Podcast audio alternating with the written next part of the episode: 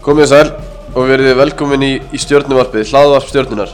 Í þessum þáttum munum við koma til með að ræða öll málefni stjórnunar og, og fá til okkar gesti úr ýmsum áttum sem að tengja stjórnunni á einhvern þátt, eða ekki? Jó, það passar. Við heilsum ykkur hérna bara á stjörnu heimilinu. Hinga ætlum við að fá til okkar eh, gott stjörnufólk, ræða málefni félagsins, segja okkur hvað það er að gera.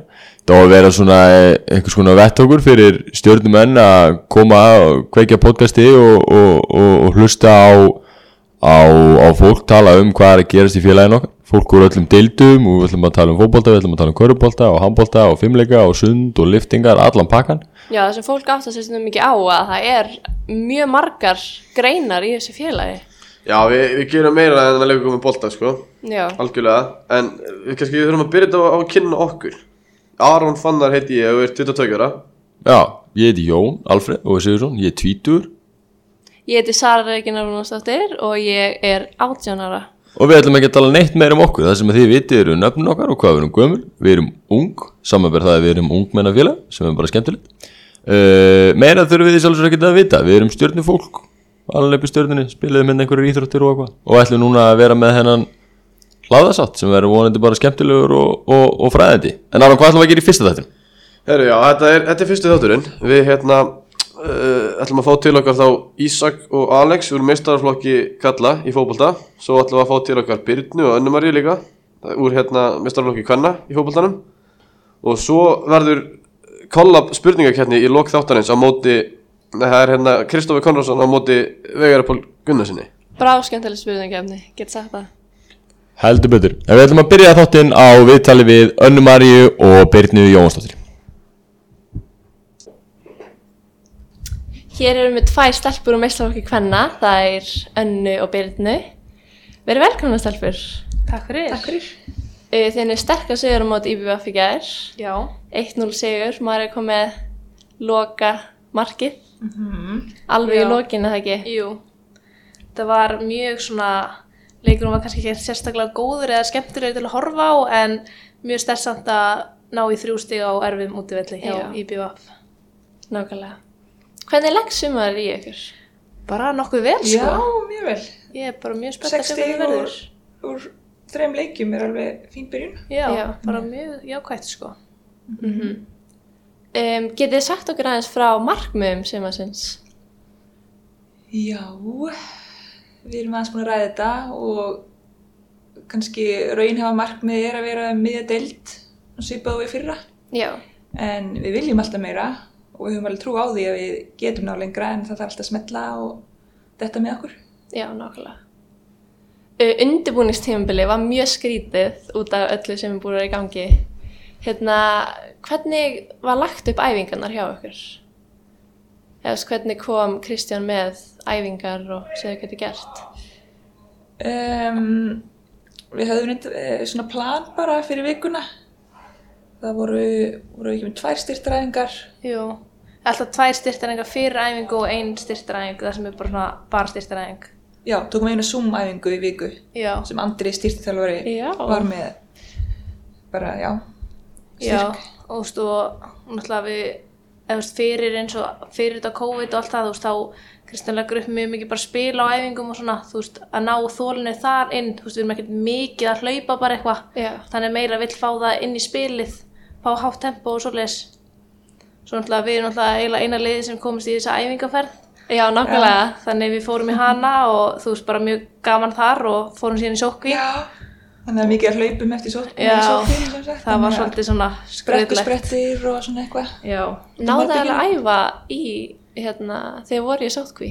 Mm, Við náttúrulega máttum ekki vera eitthvað saman eða eitthvað þannig en þú veist maður fór bara sjálfur út að hlaupa Já. og reynda að forðast fólk.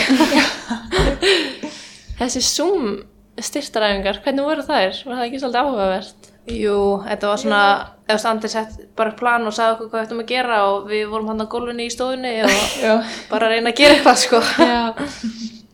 uh, núna voru dróiði Selfoss í mjölkubyrgarnum. Hvernig leggst það í ykkur? Það var erfið leikur. Já, þokkalega sko.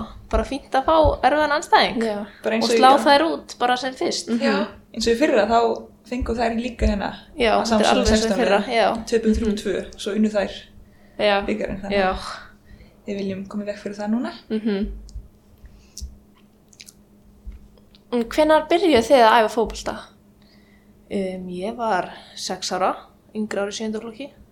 Já, ég held ég hefur líka svona 5-6 ára, en það var ekki komin sjöndurflokkur, þannig ég var bara með sjötturflokkur, ég var bara píku lítil og ég snerti aldrei boltana á Eru þið með eitthvað svona fótboltabakgrunn? Eða hvernig, af hverju Um, fóruð þið í fótbolta? Sko, mamma var náttúrulega hér í meistarflokki Já. þegar það var og pappi var líka eitthvað en hann var aðalega í handbolta en mamma var náttúrulega mjög mikið í fótbolta og var alveg í stjörninni bara alltaf og líka sýstir hennar þær voru báðar og eru í meistarflokksráðin hjá okkur núna Myndur þú segja að áhugin hafi komið þaðan? Já, það er svona Já, þau samt heldu, finnaðir, þau held að ég er eitthvað dansstelpa og fimmleikastelpa en það var svo alls ekki þannig. Já. Já, ég, pappi, aði fótbolta lengi með þrótti, þannig hann vildi bara setja mig í fótboltan, sko. Hann var mjög áhersamur, alltaf mættur æfingar og byrjaði oftast æfingarnar sjálfur ef að þjálfur hann var sein. Þannig að það var eitt í mér út í þetta. Já. Býtuðu byrjað þú aðeins með þrótti eða ertu er uppbyldsfélagið sérna? Stjarnan, Já. ég hef alltaf búið hér, en pappi þróttari. Já. Hver er eitthvað svona sport hero eða svona íþróttakóðsökinin eitthvað? Sko, ég persónulega því ég var yngri leiti alltaf svolítið upp til Margrét Láru en síðan líka er ég mikill Liverpool aðdóandi og Steven Gerrard, ég hef svolítið fylgst með honum þar. það er til hann hætti. Já. Mín er eiginlega Katrín Jóns mest. Já. Ég horfði mikið upp til hennar. Þannig já, engin annar svona sem þetta er í hug. Nei. Um, hverju hafið þurft að fórna fyrir fótboltan? Eða svona, þurft að leggja til hliðar fyrir fótboltan? Þú veist, hjá mér persónulega er þetta ekkert eitthvað stórt, sko, bara svona eitthvað svona, þú veist, bara mentaskóla böll og eitthvað þannig, þú veist, þetta er ekkert alvarlega en það, sko. Það er aðeins svona þannig, ég hef myndi alltaf verið í miklum svona vinahópunum minn allar verið fótbolta. Þannig að það var ekkert svona eitthvað eins og ég var alltaf eitthvað leðilega sem nefndi ekki að gera neitt. Nei, já, sama hér. Þannig að svona mitt mentaskóla böllin og kannski krakkan ég var í MR. Þannig að það er svona eitthvað, þú veist, og kannski útilegum í fjölunni Já. eða eitalinsferðir eða eitthvað þannig, ekkert eitthvað svona stórt, sko. Um, aðeins um liðið ykkar. Um, hvað finnst ykkur svona góðu leiðtogi? Eða hvað finnst ykkur enginn að góða leiðtoga? um, kannski bara sem allar líti upp til og virða og sem drífur liðið áfram þegar bara í leikjum og svona Já, mér finnst aðalega svona þegar okkur gengur illa, eitthvað sem stígur upp og bara rýfur okkur í gang. Já. Þú veist, ekki eitthvað sem er þá að halda áfram og koma okkur niður, skilur. Mm -hmm. Það heldur bara að rýfa okkur upp Hvetjandi. og bara, já, veist, hvetjandi en samt svona halda okkur rosalega á tánum. Já, eitthvað sem heldur liðinu uppi. Já, algjörlega. Nákvæmlega. Hver er svona mestu prakkarinn í liðinu hjá okkur? þessi katalítla Það er er hérna, mjög erum alltaf með hugmyndir um að mæta með einhverja vassbysjur og reyka kallan út af þegar þeir eru og lengi á æfingunni eða eitthvað sko. til að sjá það Já. vassblöður Og hafið ekkert tíma gert það? N- Nei, þú veist, þetta er aðalega kata myndi aldrei þóra því Nei, ég held nú ekki. bara eitthvað svona Hún er bara eitthvað að djóka. Uh, getið líst ykkur í einu orði, svona í klefanum? Hvernig eru þið í klefanum? Yeah. um, þetta er ekki tjúk Nei, þú veist, bara opinn eða eitthvað já, sko. já bara hressar Já. Ég er alltaf stuð í klefanum fyrir leik og fyrir æfingar og... Já. já, alveg fjör Það er gaman sko. já, Mjög svona Já. skemmtilegur hópur Fínn núna. andi, sko. Já, mjög góður andi sko. Er eitthvað svona lag í klefanum sem kemur ykkur í stuð eða hlustaðu fyrir leiki eða...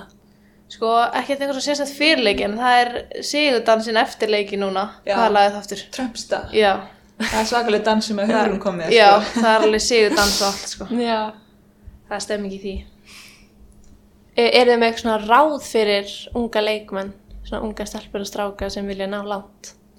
Þú veist, mitt er alveg bara að hafa gaman að þessu sko. Þú um leið og ferð eitthvað ofhugsa og þú veist, þá bara gengur ekkert en bara hafa gaman fyrst og fremst sko. Já. og já, bara hafa viljan til þess að ná langt Já, var stöðlega smá- að mæta æfingu já. og, hugsa vel um, um sig já, og taka almennilega á á æfingu og svona. Verða ekki tíma stressaði fyrir leiki? mm, ég er að fæ alveg smá svona fyrirleiki Já. svona stressspennt en Þú veist, aldrei eitthvað svona stressu, stressuð, en alveg svona, þú veist, maður fær alveg svona fyrring í magan og svona, maður er alveg bara svona spenntur aðalega, sko. já, Er eitthvað sem þið svona náðu að ró, notið eitthvað til að róa það niður eða eitthvað svoleiðis? Ef ég finna að ég er eitthvað svona óvenni stressuð, þú veist, þá bara hlusta ég eitthvað tónlist og reyna svona, ég reyna svona að pæla ekki í þessu of mikið fyrir en það er svona tveir tímar í leik eða eitthvað. Já, nákvæmlega. anda djúpt inn Já, og aðeins svona bara fyrir leikin þú veist fínt að setjast bara niður svona aðeins bara róa tögunar já, Já, ná sér niður. Já. Já. Herra að lokum, hvað er svona besta kvót sem þið heyrt? Svona eitthvað sem peppar ykkur í gang? um, mitt, ég var í bandaríkjunum þannig að það var alls konar kvót þar þannig að það var alveg það er hittir, eða er train insane og remain the same Mm. Vá. Það er gott. Ég, já, ég er ekkert mikið að pæla ykkur svona kótum. Ég var náttúrulega eftir að fara til bandaríkina en ég mun upp neina þar. Fyrst sko. það er alltaf eitthvað Já, spennt fyrir því. Mm Er þið með eitthvað svona skemmtilega sögu sem gerist úr í þessum æfingarferðin sem þið farið í eða eitthvað svoleiðis? Eins og núna þegar þið fóruð til Spánar, var ekki svona mikið eða eitthvað svona svona COVID-óti eða svona Þú veist, þegar við byrjum aðna, þá var náttúrulega ekki neitt. Þú veist, það var bara Já. svo spánverið bara það væri ekki COVID hjá þeim, sko. En svo í Já. lokvikunar, þá var allt í hennu komið í búðina, bara spritt og allir klósitpapir farinn og allt svo leiðis. og Ég- daginn eftir við komum heim þá var bara hótel loka Jú, og þú veist, þetta bara, við hefum ekki mátt vera degi lengur en það, sko. Þannig þið voru bara heppnar að komast þarna út. Já, Já. ég man ég hringdi mömmu og spurði hvort að við hefum keft náðum closet-papir því ég var svo stressuð fyrir. Þannig ég tók og kefti closet-papir hann úti, sko, og trótti tökkuna. Ég panikaði smá. Voru ekkert stressaðar að núti að meðan þetta var allt svona crazy? Sko, ég er náttúrulega ímyndað með því að ég væri að koma heim að það væri bara komin þriði heimstyrjöld en það var bara engin út á götunum Já, og já, bara ég eitthvað veit. svona, ég ímyndað bara eins og það væri í bíómyndunum, sko, en svo var þetta aðeins rólegra hérna. já, Já. Fólk var alveg búið að stressa mig út, alveg, sko, var Ég á það til að vera smá dramatísk. Er eitthvað sem vilja koma fram á lokum? Nei, bara hvetji fólk að vera duglega að mæta á leiki Já, Já. þú veist, stuðningurinn er alltaf mikilvægur, gaman að sjá fólk stúkunni og svona. Hvernig er næsti leikur hjá okkur? Hann er á miðvikudaginn Já, á móti í Selfossi, heima heima. Nei. Vilja sjá sem flesta það? Já, ekki sjálfsögðu. Hefur takk hérlega fyrir komuna. Takk sem Gaman að Takk sjá sem leiðis. Síðan talaði Aron við strákan í meistarflokki þá Alex og Ísak og fáum við að heyra hvað þeir hefðu að segja. Jæja, strákar, við erum velkomnir og takk fyrir komuna. Hvað segir ég það? Bara feskir sko Alltaf fína bara. En ekki, Jú. sterkur sigur í gæði 3-0. Hvernig finnst ykkur þetta að vera þar stað? Þetta er bara að fara mjög vel af stað Þrýr segjuleikir í röð Það er svona fínt til að koma smá sjálfstyrst í lið og það er bara mjög gaman svo staðinu núna Við veitum að þetta er samt rétt að byrja og nógu stífum pottinum þannig að við verðum að vera vel fókusræðar fyrir næstu leiki Það eru við leikur um til Káa á sunnudaginn sem við þurfum að vera bara algjörlega á tannum ef við ætlum að sækja þrjú stík Já, gæti ekki að fara neitt mikið betur á stað samt. Hvernig var að æfa svona í, í COVID? Var þetta ekki skrítið? Voruð það að æfa eitthvað eða voruð þið bara heima að gera þetta allt sjálfur? Við varum bara heima að gera útihlaup og fengum sendt styrtaprógram frá EIO sem við áttum að gera á dag. Já, Það var alveg verið að fylgjast með ykkur. Já. Það var ekki bara bara þið. Hérna, já, hvar byrjaði ykkar fótballtafyrir og hvað voruð þið gamlir þegar þið byrjuðu? Púf, ég var bara eitthvað í kringum fimm ára að byrja maður bara út í ítrúðaskólanum í Altanesi að eh, spila fótbolta og maður er ekki tætt í síðan. Það er bara búið að vera að hluta lífunum alls sem maður var pínu lítill og það er ekkert að fara að breytast. Þetta er að skemmtilegast sem maður gerir. Já ég byrjaði bara þegar ég var þryggjára sko, spila fótboll þá og Þú já, byrjaði með stjórninni? já ég byrjaði með stjórnni. Já. Hvað, hvað er svona stend hjá innan klúpsins að afreika í sumar? Hver eru markmiðin fyrir sumarið? Ég held að markmiðin séu nokkuð skýr innan hópsins. Við trúum því að þegar þegar allir eru 100% þá getum við unni hvaða lið sem er og við komum í alla leiki með eitt af markmi og það er að vinna á og ef að, ef að það eru markmiðin fyrir hvern einasta leik þá ætti markmið fyrir deildina og byggara bara að vera skýr. Við okkur langar bara að fara alla leið og um, fulla trú á hópnum okkar. Um, þetta verður öðru sér tímambil þetta uh, mjög þétt leikjálag.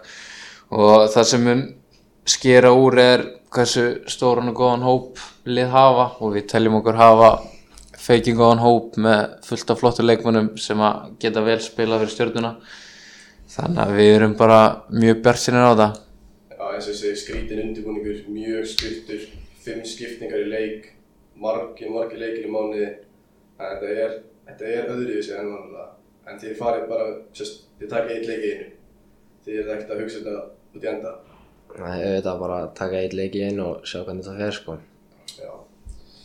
Hver, í- innan liðsins, hver er það sem að sér um að halda upp í stemningunni í klefanum? Fyrir leiki og, og og hver er líflegastir? Þetta eru margir líflegi karakterar og menn eru mjög misjafnir en þetta er, þetta er mjög góð blanda og það eru allir góði vinnir og við höfum mjög gaman saman hverju sem það eru. Um, það er mikið líf í kringum ungu strákana, Ísak hérna og Sölva. Þeir eru mikið að skemmta, skemmta strákanum sko með skemmtilegum kommentum. Það er eftir bara að velja bara eitt sem við trúðurum. En þurftu að hugsa hver er fyrstu sem kemur í bæðisinn. Hjá mér er það sko Jói Lex, er það hreinskilinn? Já, Já, ég ætla að hendi í hinn bróðurinn Danna, hann er, þeir eru mjög, mjög fyndnir með alveg eiga það. maður hefur heyrt þetta áður. Ég er ekki fyrstu til að segja það. En svona ef þið horfið á, á hópinn, hverjum finnst ykkur leiðilegast að spila á móti á æfingum? Hver, hver er erfiðast að díla við á æfingum? Ægum má allir að segja Brynja Gauti, það er ba- bara, það er ekkert, það er ekkert grína eiga að hann á ægum, sko, hann gefur ekkert eftir, já, nöyt sterkur úr sveitinni, sko, hann gefur ekkert eftir, sko. Maður sér það í leikum, Já. það fer ekki fram í nefnum. Hann En, er þeirri seg. Um, ég myndi segja Heiðar sko, það er heldur leðilegt að mæta honum allan. Ég er náttúrulega eh, ég er mikið á vinstri vangnum og hann hægri bak þannig að heldur þreytt að mæta honum allan sko. Já. En nú verður það örgulega mismunandi svör. Ef ég spyr ykkur fyrst, hver er fljótastur í liðinu, Alex? Hver er fljótur stilliðinu? Ég Veit hvað ætla, já, ég ætla að vera heiðalegur og segja þessi ekki ég því miður. Ég ætla að segja, ég hugsa að heiðar sé fljótastur en það sem kemur óvart er það í mælingum í vetur þá var Martin nokkur Rásenberg hraðastur í 30 metrar sprett. Aha. Já, hann vantaði nokkra leikmenn en hann stóð upp í sem sigur í þeirri kenni sem gefur mörgum óvart. En hvað segir þú, Ísak? Hver er fljótastur í liðinu? Ég veit ekki, örgulega, já Heiðar, hann er svo snöggur og lán þingdamút fljótur á fyrstu metrunum. Já. Erfitt að, erfitt að mæta honum. á Já, drullega rétt sko. En þegar þið farið, horfið inn í styrtasagan, hver, hver er sterkastur? Hver er að rífa mest upp? Það er Martin. Það er Hann er ekki... fljótastur og sterkastur. Það er, er engi vafa á því að hann sé sterkastur í, í styrtasalunum og það eru nokkur blöð á vegg sem sanna það. Já, það er einhver að segja mér að hann er að upp 130 kíló í beg. Já, já, hann fyrir létt með það. Það eru ekki margir sem komast nála því. Við erum það í liðinu. En ef þið horfið á svona leiki sem að þið hafi spilað, bara í gegnum ykkar feril, hver myndið þið segja að veri erfiðasti anstæðingur sem það hefði mætt inn á vellunum? Um, erfiðast anstækur sem ég hef mætt það var í milliriðli 19 þá voru að spila við England og það voru tveir sem eru að gera mjög góða hluti í dag Jadon Sancho og Mason Mount þeir voru íllviðir ráðlegir og síndu alveg hvað í þeim býr sko, það er mjög rætt að eiga á Það eru nefnt sem að flestir eftir að þekka. Ég myndi bara að það sé ekkert sérstaklega gaman að spila mútið þeim. Þú ert nú búin að eiga langan feril með hvað þú ert ungur. Hvað varstu gamall þegar þú varst svona að stíga þinn fyrstu skref með listarflóki og landsliðinu? Um, fyrsta skrifið með mistarlokk kom náttúrulega óvinni snemma, það var 12 ára með Áltanissi um, eftir það þá byrjaði að spila með landsliðinni 15 ára þá erum við að fara hérna á olimpíuleika æskunar Kína og lendum í þriðasæti þar sem er bara mjög góður árangur og síðan fer ég yfir í stjörnuna og ég spila fyrsta tímabili mitt 2017 Já, með stjórninni þá. með stjörnuna, já. Þá ertu 18 ára.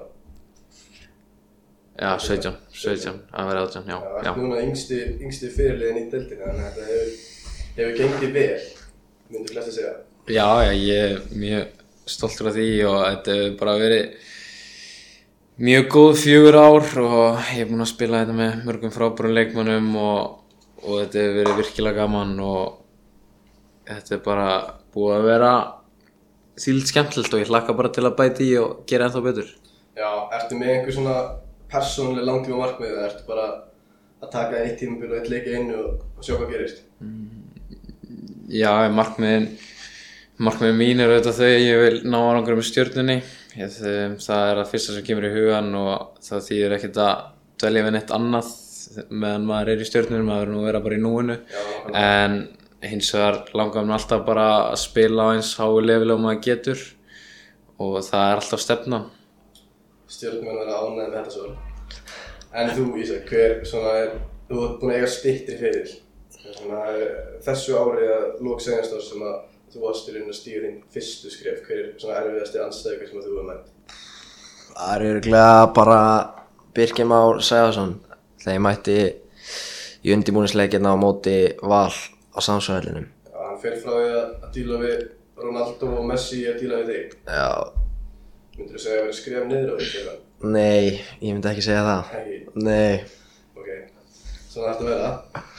En hvert er svona, nú er tímabilið tiltölulega löngu ráðið í ennsku. Hvað, hver er ykkar lið í deildinni? Ég er blár, ég held með Chelsea, mínu menn. Það er ekki búið að ganga sérstaklega vel en, en hérna, undanfæring kaup ætti nú samt að búa til von fyrir ykkur. Já, ég, við komum nú bara inn í þetta tímanbil og ég held nú að flestir hafi vita að við værum nú ekki að gera allir að, titlinum. Það fyrirfram hefði það átt að vera millir Liverpool og City og bara Liverpool núna en ég, svo, ég er svo sem bara mjög sáttu með það að við séum að séum mistrallasæti og er bara gríðarlega spenntur fyrir nýju kaupanum og nýju tímabili sem fer, þegar það hefst. Werner og, og Hakim Ziyech, þetta þeir gæti nú verið verið þessi kaup. Já, þetta eru leikmenn sem geta blómstrað sko. Já, en þú Ísak, hvað er þitt lið? í ég, ég held með Liverpool.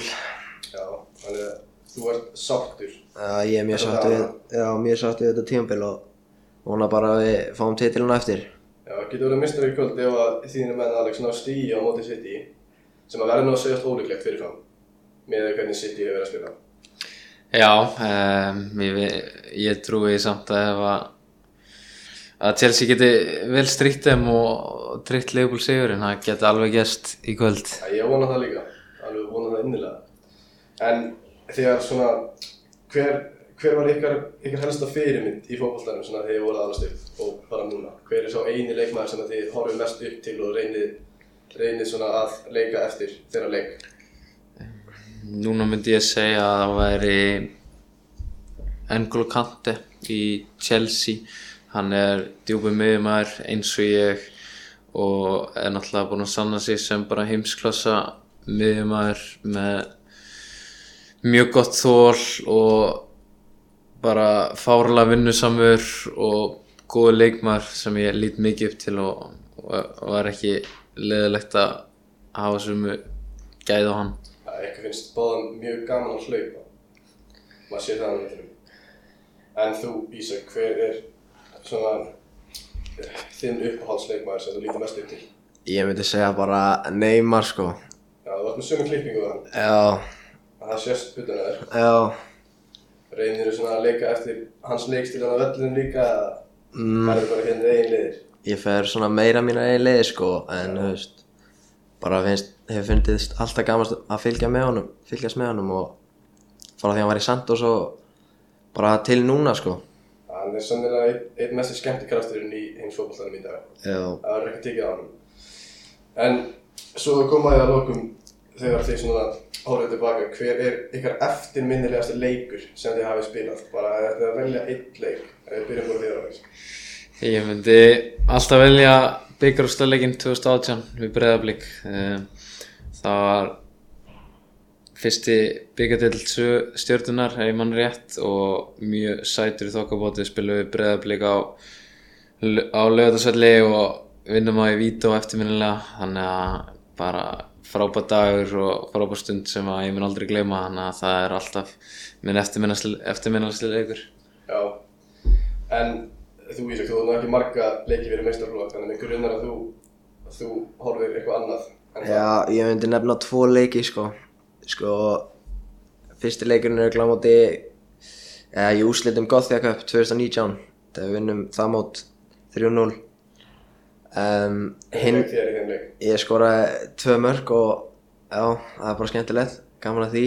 Já, eftirminnileg stund, vantilega. Já, mjög, mjög svo. Og hinn er hins vegar bara núna í síðustu við komum til fylki sko þegar ég kom Já. inn á Get ímynda með það, skoraði, það var mjög skemmtileg stund drauma byrjun fyrir einhvern svona ungarn sem þig sem er Já. að koma upp. nákvæmlega, En maður verður að halda sér í jörðinni og halda í byrjunni. auðvitað, En herðu, takk kærlega fyrir kominu strákar og gangi ykkur vel í sig bara. takk hérlega Takk fyrir það. Að lokum tók Jón þá Veigar og Kristoffer Connorsson í létta og laga kollafspurningkeppni um allt og ekkert. Komið sæl og verið velkomin í þessa fyrstu spurningakeppni stjórnuvarpins. Við erum með tvo flotta stjórnumenn með okkur í settinu í dag. Einn ungan og vittlus, Kristoffer Konrásinni og annan aðeins eldri og reyndari í Vegari Páli. Verið velkomin, báðu tveir. Takk fyrir það. Hvernig er þið stendur í þetta? Ég er nú bara flottur. Ég er búin að æfa mig mikið í vikunni. Já, svoleiðis. Já, ég hef nú aldrei verið góður í spurningakeppnum en, en, en hérna nú er ég á móti Grísa Gonn þannig að ég, ég held ég eigi smá sens. Já, Fyrsta skipti bara. já, ég held að það sé rétt með því þér. Þetta verður bara skemmtilegt. Aðalatrið bara er að hafa gaman. Fyrirkomulega keppnar er sem sagt eftir farandi. Við ætlum að gera þetta í þremur hlutum. Til að byrja með erum við með blandi póka. Það er bara nýlinir atbyrðir og fréttir og, og einhvers konar vittlisa sem er dettur í hug. Svo förum við í lið sem að virka þannig að þið fáið spurningar sem á einn, einn eða annan hátt varða mótverjan. Svo lesa Veigar fær spurningu sem að tengist Kristó og Kristó fær spurningu sem að tengist Já. Veigar. Og í lokin þá eru svo fáina spurningar sem eiga það allar sammeðalegt að tengjast stjórninni á einhvern hátt. Eru þið ekki bara klárir í þetta? Yes sir. Það Ég er klár, eldklár. Það er mjög mikilvægt að það komi fram í byrjun þessi spurning keppnir í búið kollab sem að því það sigurvegar í þessari keppni verður listur út með, með veglega drikki í loki svo það er það er, það er ímislegt undir Við sko ég ætla að gera, ég ætla að fara um peysunni. Já, gera það Góðan bæn. Já, gera það Það er svolítið heitt í þinni Nei, bara, ég spenntur. Það er spenntur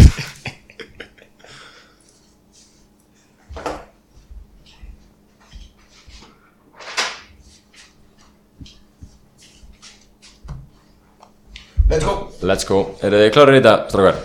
Heldur betur. Já, Fyrsta spurning, svo dingliði bara bjöllinni Þetta er mjög Já. Óformið sko. Það reynir smá á einhver viðbröð hérna En það, verður bara, það er bara skemmtilegt Ég ætla ekki að láta ykkur hlaupa Fyrsta spurning Á morgun laugardegi fara fram fórsetakostningar Sitjandi fórseti, Gunni T. hjá Jóhannesson Sækist eftir endurkjöri Hver er eini mótframbjóðið til Gunna? þetta er hann hérna, wow, Franklin, hvað heitir hann?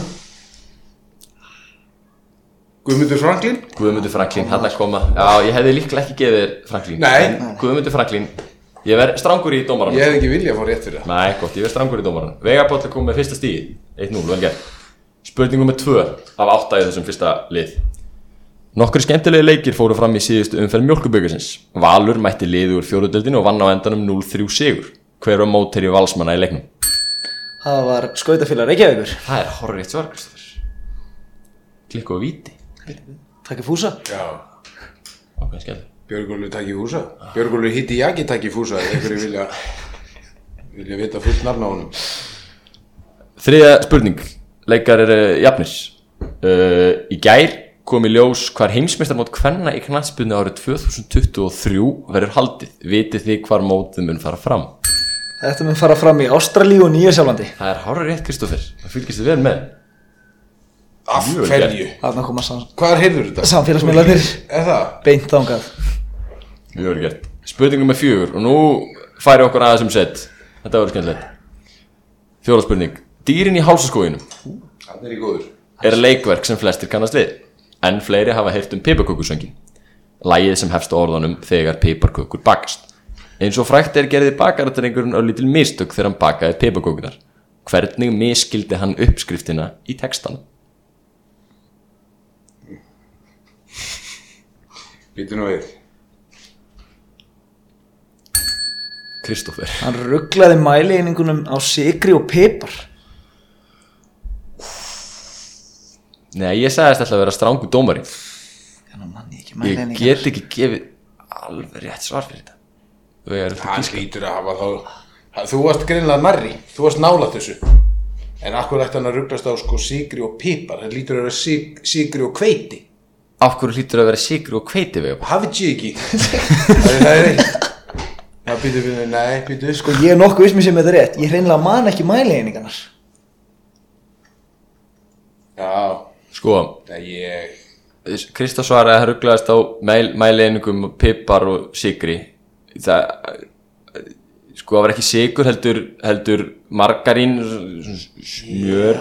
En ég held að við setjum línuna þannig að hann, hann kom með piparinn og mæleiningarnar og hann setti kíló piparinn ekki í teskil Akkurat ég, Kristof fær punktin Ha? já, hann fær punktin Ég er fæð Þetta- hann var með mæleiningarnar og pipar og ég bara, ég get ekki annað gert. Veigar, þú bara Ég með- ég er með græðir setna Það var ekki, ekki þessu. Hveitir kom ekki til sögu. Ok. Spurning nummer 5 og nú förum við aftur aðeins í, í smá bolta. Marco Asensio gæti ekki tekið þátt í leik Real Madrid í meistaradild Európu gegn Apol árið 2017 hvers vegna forfallegast spænski kantmaðurinn og hér gefum við uh, fjölval valmöguleika A. Hann var fyrir bruna þegar reynda að elda egg í örbylgjófni B. Hann spilaði sem markvörður á æfingu í aðdraðanda leiksins og fór úr axlali C. Honum tókst að stinga sig í augað með vegabrifi á flugvellinum og leiðin í leikin með þeim afleiðingum að hægra augað bólnaði upp og hann gæti ekki séð með því eða D. Hann fekk Hann fekk bólu á sköplungin eftir rakstur og það komst síking í hana. Já, já. Hitti ég á þetta? Já. Er það nóg? Þetta er nóg. Vegaból Já, ég held að það sé þetta hérna seinasta þarna. Það fekk bólu á sköflungin og síking Já, og síking Það myndi bara rétt svar hjá þér. Já, flott. En það skemmtilega við þessa spurningu er að A, B og C-liður eru líka sko ástæðar fyrir forföllum Það er ekki, knæspinum ég, ég ætla að segja B, ég heyrði af því. Já, einmitt, það var einhver skoti sem að reynda ég- var með það, Já, ekki ég hef heyrt, ég hef heyrt að Ég ætlaði beint í B-ið. En fyrsta, hvað var það? Það reynda að elda ekki örbylgjófni Var það fyrsta? Það var skoti. Já, Var það ekki Kristóður Ingi? já, getur við Getur verið. Því eigið vantalega einhverja svona skemmtilega sögur? Já, já. Tökum það eitthvað með sinna. Sjötta spurning Já, já og við færum okkur aftur um set og, og breytum alveg, nú fyrir við alveg nýja á vettvang Erum við komin í næsta Nei, reyndar ekki, við erum ennþá í þessu Það er, Já, þetta er- ok. þetta er- Þessi spurning og svo er tværi viðbót í þessu fyrsta lið Ok. Sjötta spurning Lár, pera og kurbítur eru íslensk heiti á tveimur ávöxtum sem Íslendingar vísa almennt til á erlendri tungu Hvaða ávöxtir eru það? Þetta eru avocado og zucchini Kristófer, sem er kokkinn. Jeez Wow. Avocado zucchini. Ha, ha, ha, ha, ha, ha, Mikið gaman. Ok, Kristófer Sjönda spurning. Og við erum aftur komin í smá bolta. Ítalski knattspindumæðurinn Mario Balotelli er þekktur fyrir ímislegt meðal annars fyrir að spila fótbolta. Hann spilaði en tíma með Manchester City. Hann gaf eina stóðsendingu meðan hann leik fyrir félagi Hvað var merkilegt við hana? Þetta var vegar Já, ég Já, þetta var, stóð Hvað var merkilegt við Hvað var merkilegt við þessa stóðsendingu? Ekki við Balotelli sjálfan heldur stóðsendingu Já, sér, út að akka hana. Merkilegt við þessa stóðsendingu Já, Við gaf hann eina stóðsendingu þegar hann var í Manchester City. Ein stóðsending Og hvað var merkilegt við hana Kristófer býður eftir að fá svarið, hann er svo með Já, þú veist, hérna, þú veist allt svona Eitthvað Balotelli. Gaurar og eitthvað svona töffarar Mínir menn Ég, ég bara, ég, þú veist, þetta var Roberto Baggio, wow, þarna var ég góður. Herri, það var eitthvað merkilegt við þessa stóðsendingu, ég hef ekki hugmynduð að ég ætla að gíska. uh, uh, þetta var hérna, þetta var stóðsetning uh, ég veit það ekki þetta Nei. var uh, átti ekki að vera stóðsetning Átti ekki að vera stóðsning Kristoffer fær svaretinn Ég er nokkuð vissum að hann hafi lagt upp markið á Sergio Aguero sem tryði þeim sinn fyrsta einnarsmestaratitil Það myndi bara vera hárreitt svar hjá þér, Kristoffer Akkur kom ég ekki bara með þetta? Það myndi vera hárreitt svar hjá þér. Kristoffer er að koma með 5 stig á móti þremur hjá Vegari. Síðasta spurning í þessum fyrsta lið. Liverpool vann ennsku úrvalslitina í ger oh. Og kom sér þar með hóp sjö liða sem hafa verið krýnd meistarar ennsku úrvalslitinnar Hver eru hinn sex?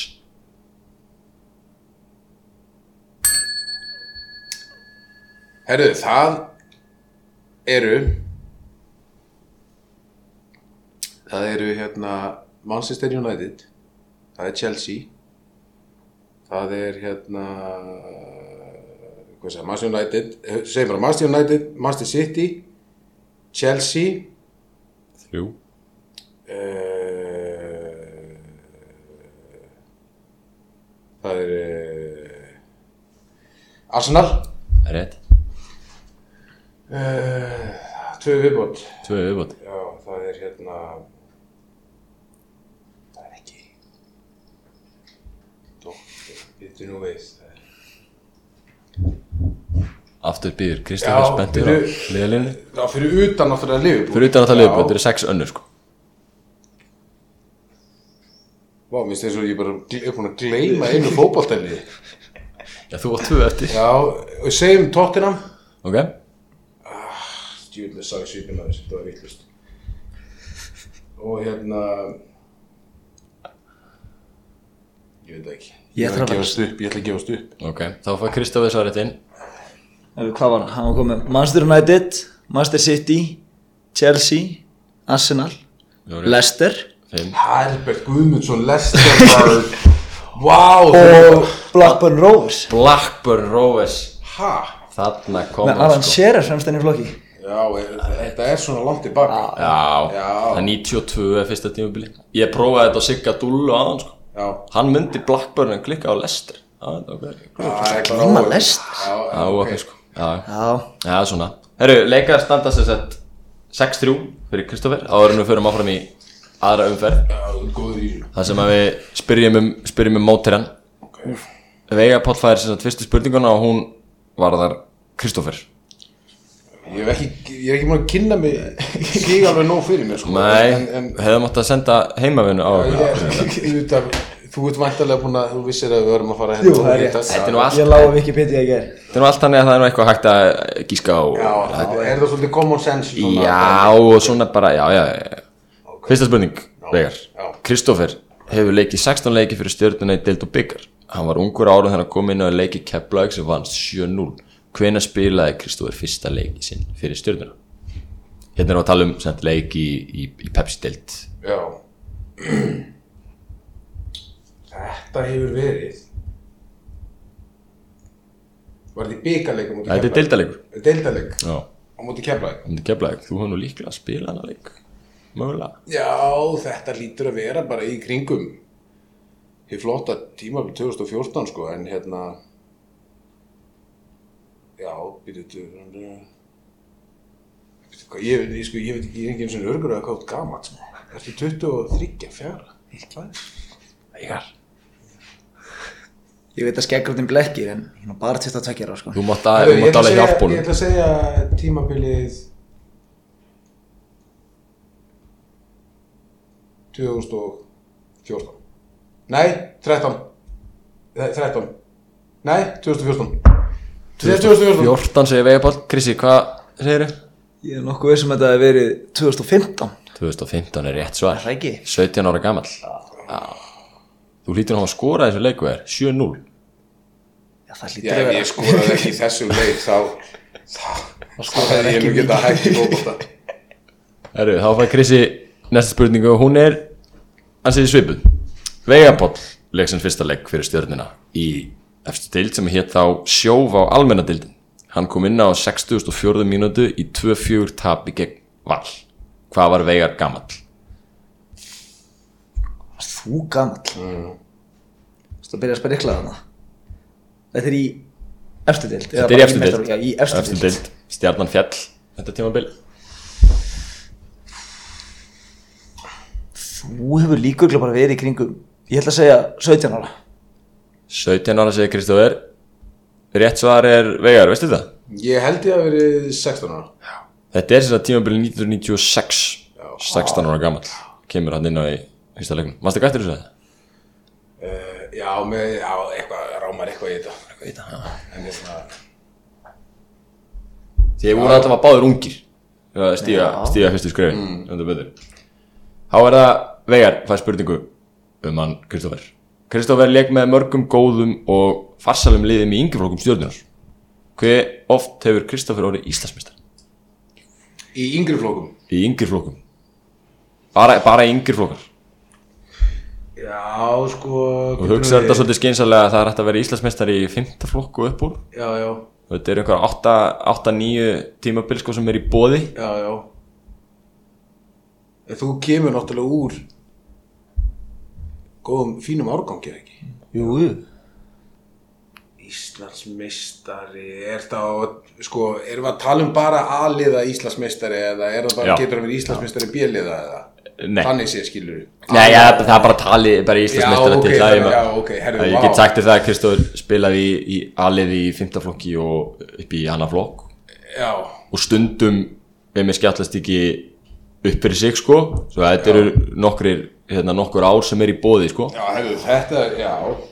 Þannig ætlum ég að segja, á þessum tíma hafa verið uh, hafa verið náð að verða Íslandsmeistari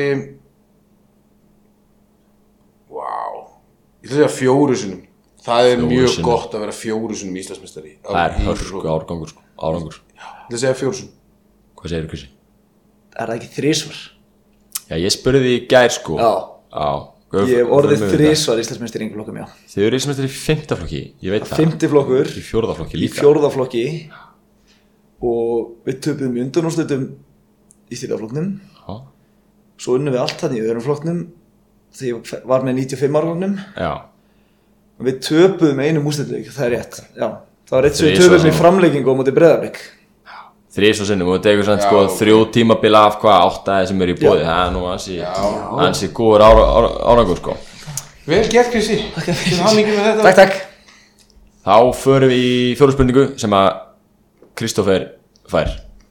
Norski netmiðlinn NordicBet útbjáð fyrir nokkur mánu síðan lista yfir bestu útlensku leikmenn sem spila hafi í norsku úrvarslitinni á listanum eru þó nokkur íslendingar Stefán Gíslason er til dæmis í 77. seti og Rúna Kristinsson í 27.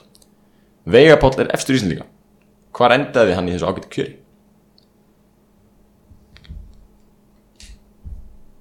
og þú vil ekki vera að peppa þig of mikið hérna fyrir helgina en mig minn en mig minn er að þú hann bara verið efstur á þessum lista Er það?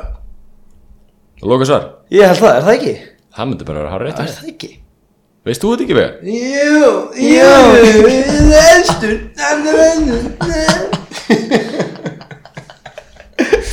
Er þetta rétt Veigar? eða? Megar þetta sens? Já, ég menna að þú hefur vantarlega googlað þetta og fundið þennan lista og, og hérna Já, ég ég ekki vera svona hóver Nei, ég man eftir þetta að koma út og hérna, þetta var þetta var þvílíkur heiður. Já, glæsileg Ég var stoltur af þessu. Heldur betur, máttu vera það. Þá förum við aftur í spurningu fyrir vegar Sumar 2018 leik Kristoffer að láni hjá liði í næsta þessu dild Hann spilaði tíu leiki en hann helt út í nám til bandarækjana Hjá hvaða liði sem að jafnaði leikur í röndóttum treyjum spilaði Kristoffer þetta sumari Næst efstu deild, já Það er verið að tala um inkasso eða hvað þetta heitir. Já, Þetta mun vera þróttur Reykjavík. Það er rétt Virkilega vel gert. Gaman að spila á þrótti, já, það var mjög góð reynsla, ég er mjög gott að þessu. Betur. Sjötta spurning, síðasta í þessum lið þá erum við förum yfir í, í senniháligin. yes sir. Veigar Páll var líki maður í liði stjórnunar sem varð eftirminnilega Íslandsmeistari árið 2014. Hvað skoraði Veigar mörg mörg það tímabil og nú ætlum ég að gefa þér valmöguleika. Skoraði hann A 4 mörg, B 6 mörg, C 8 mörg, D 10 mörg. Fjögur, sex, átta, tíu það var nú vel ólíkar sem sá svolítið um að Óli Kalli var Skora. Hann var on fire sko. alveg rosalegur tók all vítin líka þannig að Þetta er bara í, þetta er bara í deild Þetta er bara í Þetta við skulum hafa þann sá- fyrir vera árendar Ég er ekki frá því að Ég er ekki frá því að hafi samt verið næst markaðastur í liðinu. Ég held að ég mér og það hafi verið átta. Ég man ekki betur, ég held að það átta mörg Já, ég man þetta ekki. Átta er ákveð skísk. Hvað er veist þú það? Já, ég veit, þetta eru sex. Sex. Já, það var ekki meira en sex. Var. En það döði, döði til Íslandsmeistara dugur. Það er það sem skiptir máli. Og nokkra stóðsendingar og svona í þokkabót Já, já, fylgir alltaf. Heldur betur. Þá erum við komnir hálfleik þar sem að við spyrum spurningar sem á einhvern nátt tengjast félagin okkar, stjórnunni Staðan er þess að fjögur vegar sjö Kristoffer já, Vá. Þú segir það? En það er nóg eftir. Já, ok. Það er nóg eftir. Og núna held ég að vegar veri sterkur. Og núna þurfum við aftur bjöllina við já, því. Ég ætla bara betra bjöllinu núna. Já. Ótrúlega þetta gamli maður sem er betri viðbröð Það er að því ég er hérna, hann er alltaf með eh, eh, að því þið sjáu þetta ekki hann er sérst með hendina fyrir ofan bjölluna en ég lauma mér alltaf bacha, undir. Það er reynslan sko. Uh, Fyrsta spurning. Í oktober næstkomandi munur stjórnuminn fagna stóra amæli félagsins. Hvað verður stjarnan gömul í ár?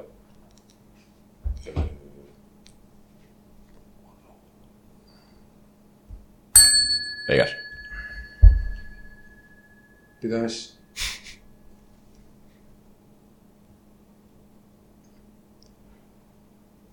Stjarnan uh, Stór ammæli Stóra amæli Já. Sko, er ekki stjarnan Akkur, ég, ég, ég, ég segi alltaf við sjálfum Hei, reyndu nú að muna allavega hvenær félagi var stopnað og innprentaði hausið En sem gleyma það ekki Já. Þannig að nú verð ég Hægar að sagt en gert. Svo er maður bara aðeins í öðru. Herði, þeir verða hérna Þeir verða ég, ég ætla Þeir verða Stjarnan verður hundrað og 110 20, ég veit ekki, 15 Herði, stjarnan verður hundrað og uh, 20 ára. Herru það er Nei, ekki er yfir! Já, viltu leiða þetta? Nei, nei. Nei, ég þykist halda að stjarnar er stofnið 1960 þannig að við verðum 60 ára. Það myndi vera rétt. Ekki? Ég er ruggla saman hérna, ég ruggla saman stjarnan við hérna Stabæk Já, Já, það getur verið. Já, Þú eru- líka já. fyrir K.R. Þeir eru nær því sko. Já, Já, Við vorum aðeins yngri sko. Ég veit ekki hvað var að gerast hérna í þessu svæði uh, í kringum 1900, ekki mikið held ég. Nei, ég held nú ekki. En við erum ung. Já, ég sá bara fyrir mér eitthvað svona, eitthvað svona, já, eitthvað félagsstofn. Já, en við allavega höldum upp á þetta ammali Já. í, í haust, það verður gaman Spurningum er tvö uh, Bjarni Benediktsson, fjármál efnaðsraðara Leik á sínum tíma 69 leiki fyrir meistarflokk kallaði knaspin Hvað gerði Bjarni mörg mörk í þessum leikjum? A. 0, ekkert B. 2 C. 7 eða D. 15 69 leikir fyrir stjórnuna Ég að gefa þér heiðurinn að Kristófer. fá að gíska á undan. og hann Bjarni minn getur ekki að skora meir en tvö mörg ég segi B Þú segir B já, B væri þetta Þá stendur við eftir með þrjá valmöðinga Já, þá segi ég hérna bing og segi sjö. og það væri rétt í þér Já. Hann var góður skallamæður. það segur Bjarni, Þrjúgur í já, held ég, sko. Þrjúgur í hótnunum og það er lengd í það er honum ekki margir við hann í loftinu. Nei Þannig að, Þá er vegar aðeins að sanga sér 5, 8 Þriða spurning Þann 7. februar 2016 slasaðist eitt besti leikmaður meistarlós kalla í Körubolta lítilega, Justin Sjálf þegar hann fjall á auðlýsingaskildi í Þorlásum í leika mútið Þór Nokkrum dögum áður tók hann þátt í leiki Grindavík sem gekk öllu betur Í fyrsta leikluta náði hann afar merkilegum áfanga Hvað afrekaði Justin? Og þú- uh, hérna, var hann ekki stóðsettinga kongur deildarinnar frá upphafi? Erði, þetta er bara hárriðt svar. Hann sló stóðsendinga með Jóns Arnars.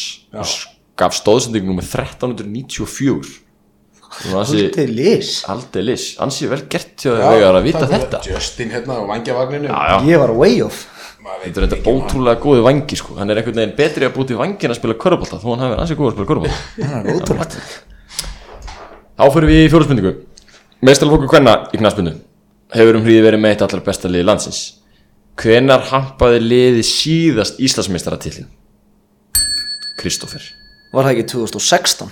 Það væri rétt hjá þér. Það væri hár rétt hjá þér. Þú ert sterkur í kvennaboltunum Já. Ég teki eftir því. Ég man líka að ég setti nefnilega upp rampana. Já, Þetta fyrir það, það er kannski aðalega sem að minnum á þetta. Þá fyrir við í fimmtu spurningu. Og nú fyrir við í, í kraftlýtingadeldina Ó, Dagfinnur Ari, Norman, kraftlýtingamæður og stjörnunni varð Norðurlandameistari úlinga í klassískum kraftlýftingum árið 2015 Hann kefti í undir 74 kíló af flokki. Mikilvægt að hafa það í huga. Á mótinu setti hann Íslandsmet úlinga í backpressu. Hvað mikil þyngd lifti Dagfinnur? er, sko, er, er það ekki með ABC eða eitthvað? Nei, núna, ég prófaði ég prófaði þetta Sigga, Siggi var tilhörna mitt, dúlaði uppi og, hann var, var ansinn áldur Ok, lefum við að gíska. Ég ætla bara að fá að gíska. Uh, Hvað var hann að lifta? Backpressu? backpressu, hann er 74 kíló. Já, þess að þetta var kepp í flokki 74 kíló og léttari sko. 74 kíló. Backpressu. Hann hefur Hann hefur hamrað upp í lofti svona 162,5 kíló. Það er ekki rétt. Ok. Bara alveg meir en tvöföld þyngd. Já, sé dagfinn Ég, ég reynda að sá hann eins og ný sundi og ég var ekki lengi að fara upp úr sko. Heyrðu, þetta er fyrir 5 árum, þetta er úlingamót sko. úlingamót. Já, Ég ætla nú bara að gefa honum svona 140 kíló. Það var ennabla bara alveg lög rétt hjá þér. Nei. Ekki, bara, ekki bara upp á Bara upp á bara stömpar þetta, Maður er svo segur sko hann er allavega góður að gíska Í dag tekur hann Í dag tekur hann 162,5 kíló. Við þurfum að fá henni lá þáttinn að spyrja. Heldur betur. Uh, sjötta spurning. Í vetur var ráðinn nýr þjálfari meistarflós kalla í handbolta. Sá ætti að vera stjórnumunum kunnur enda lekan með félaginu um langt skeið. Hver er nýji þjálfarin?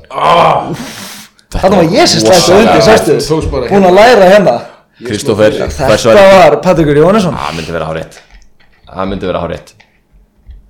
Það verður spennandi að fylgjast með handbóltanum í Heldur betur. Það verður- verður skemmtilegt. Sjöunda spurning. Og við förum aftur í, í fótboltan Fyrstu við erum nú með tvo knaspundum inn í settinu. Daniel Lagstall, Jóhann Lagstall Lúðvík Jónasson og Rúna Páll Sigmundsson eiga allir að baki tugi og sem er hundruði leikja fyrir stjörnuna Samanlagt hafa þær fengið að líta gulaspjaldið 116 sinnum. Hver þeirra hefur oftast fengið guldspjald? Veigapoll. Það hlýtur að vera Lúðvík Jónasson. Það getur ekki hann að verið. En sko hann er, er hann búin að spila langt fæst af leiki? Já, núna Þetta er trikki sko. Rúna var náttúrulega Hann var Hann lit finna fyrir sig sko. Ég fæði kann ekki oftast bara fyrir, líka fyrir kjáft Ég, ver, ég verði að taka það fram Þetta eru Er- bara spjöld sem leikmenn sko. Rúnar að hafa sankað að sér Það nokkuð nefnilega spjöldin í málið. gegnum tíðina sko sem þjálfari á hliðalínu Þjálfari, hann er með nokkur nefnilega fyrir kjáft á hliðalínu er, sko. er þetta bara sem leik? Þetta er bara sem leikmaður sko Já Skal alveg gera þann fyrirvara sko Ég ætla að segja Þú, þú sagði bara almennt gul og Já, já, rauð, já, já, já, gul Sem sem leikmenn, hann er nú bara, hann nú bara eitt er að svo sem þjálfa en, en já, Ég ætla að halda mig mitt Ég ætla að halda mig rétt að svara Ég ætla að segja Lúðvík Jónasson er, er þetta bara með stjörnunni? Eða á ferlinum? Þetta er á, á ferlinum sko. Já, þá er það Lúðvík Jónasson Það er ekki rétt svar. Já. Kristófer, fær svarið? Sko, Er hann nokkuð að sjá hérna svarið bara? Ef ég segi Sko, ef ég segi nefnilega ekki Rúnapál þá er ég rosalega svektur ef það er rétt svar. Já, ég skilði Þannig að ég ætla að segja Rúnapál Simonsson Ok. Það var nefnilega líka Jæ, Það er Daniel hinn brúði. Ekki er, er það ekki Jóhann? Það er nefnilega Jóhann. Það er Jóhann, er sagði ekki Daniel Lagstall? Það er nefnilega Jóhann. Jóhann. Það munar ekki miklu. Já. Og ég skal við, nú veit ég ekki hvort að Danni fekk spjald í fyrsta leiknum. Get, Ég veit ekki, getur ekki, getur ekki máli. Jóhann að lesa þetta með 41 spjald. Danni með 36 Já, En Daniel hefur náttúrulega spilað og þeir báðir náttúrulega alveg já, Úrmur á leikjum, já. Urmuleikin sko. Lúðvík Jónasson náði bara 17 spjaldum. Já, í hvað, 15 leikjum?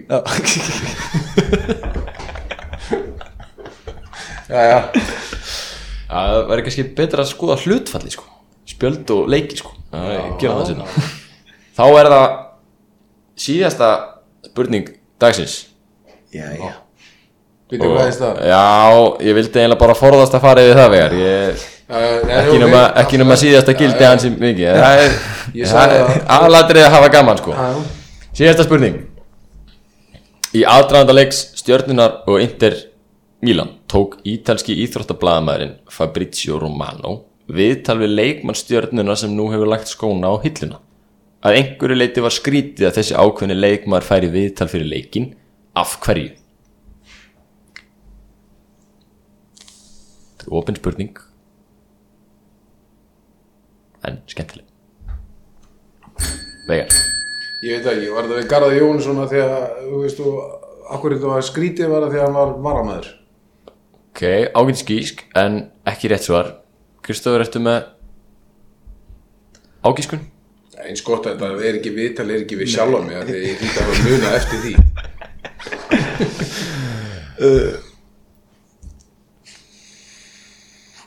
Já, ég er að þau vanda Veigar var að fatta þetta. Þetta var nefnilega fréttmenn sko Ekki, ekki mest lesna fréttin á vísi sko en, Já, ég- en það var, þetta komst í fréttinar Ég man, ég veit hvert það er. Máli, sko. Þetta er soldi, Kristof annarkort veist þetta er ekki sko. Er það ekki? Það er Ég soldi ætla að sko. koma með ótrúlega flott gísk Já, það. Ég ætla að segja að þetta hefur verið Bjarki Páll vegna þess að hann var ekki í leikmannahóp stjórnunar hann var upp í stúku. Þetta er frábær gíska, það er gott gíska, þetta er bara rétt svar. Þetta er alveg. Það sem að var, Við rámaði í þetta Já.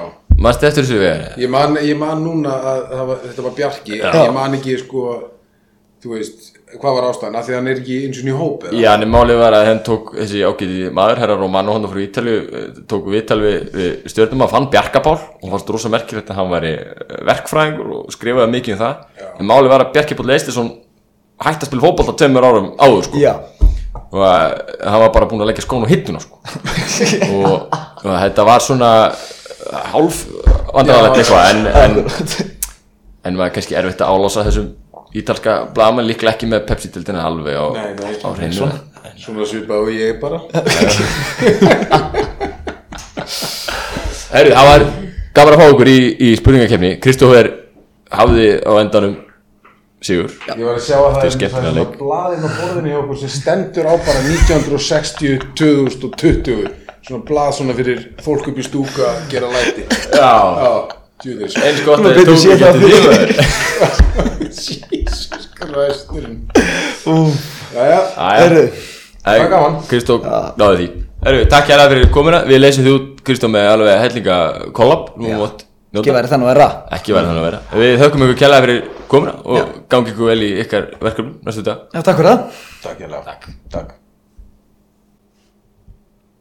Þetta var fyrsti þátturinn. Við viljum þakka gestunum kella fyrir komuna. Þá uh, Ísak, Alex, Byrnu, Önnu, Veigar og Kristoffer.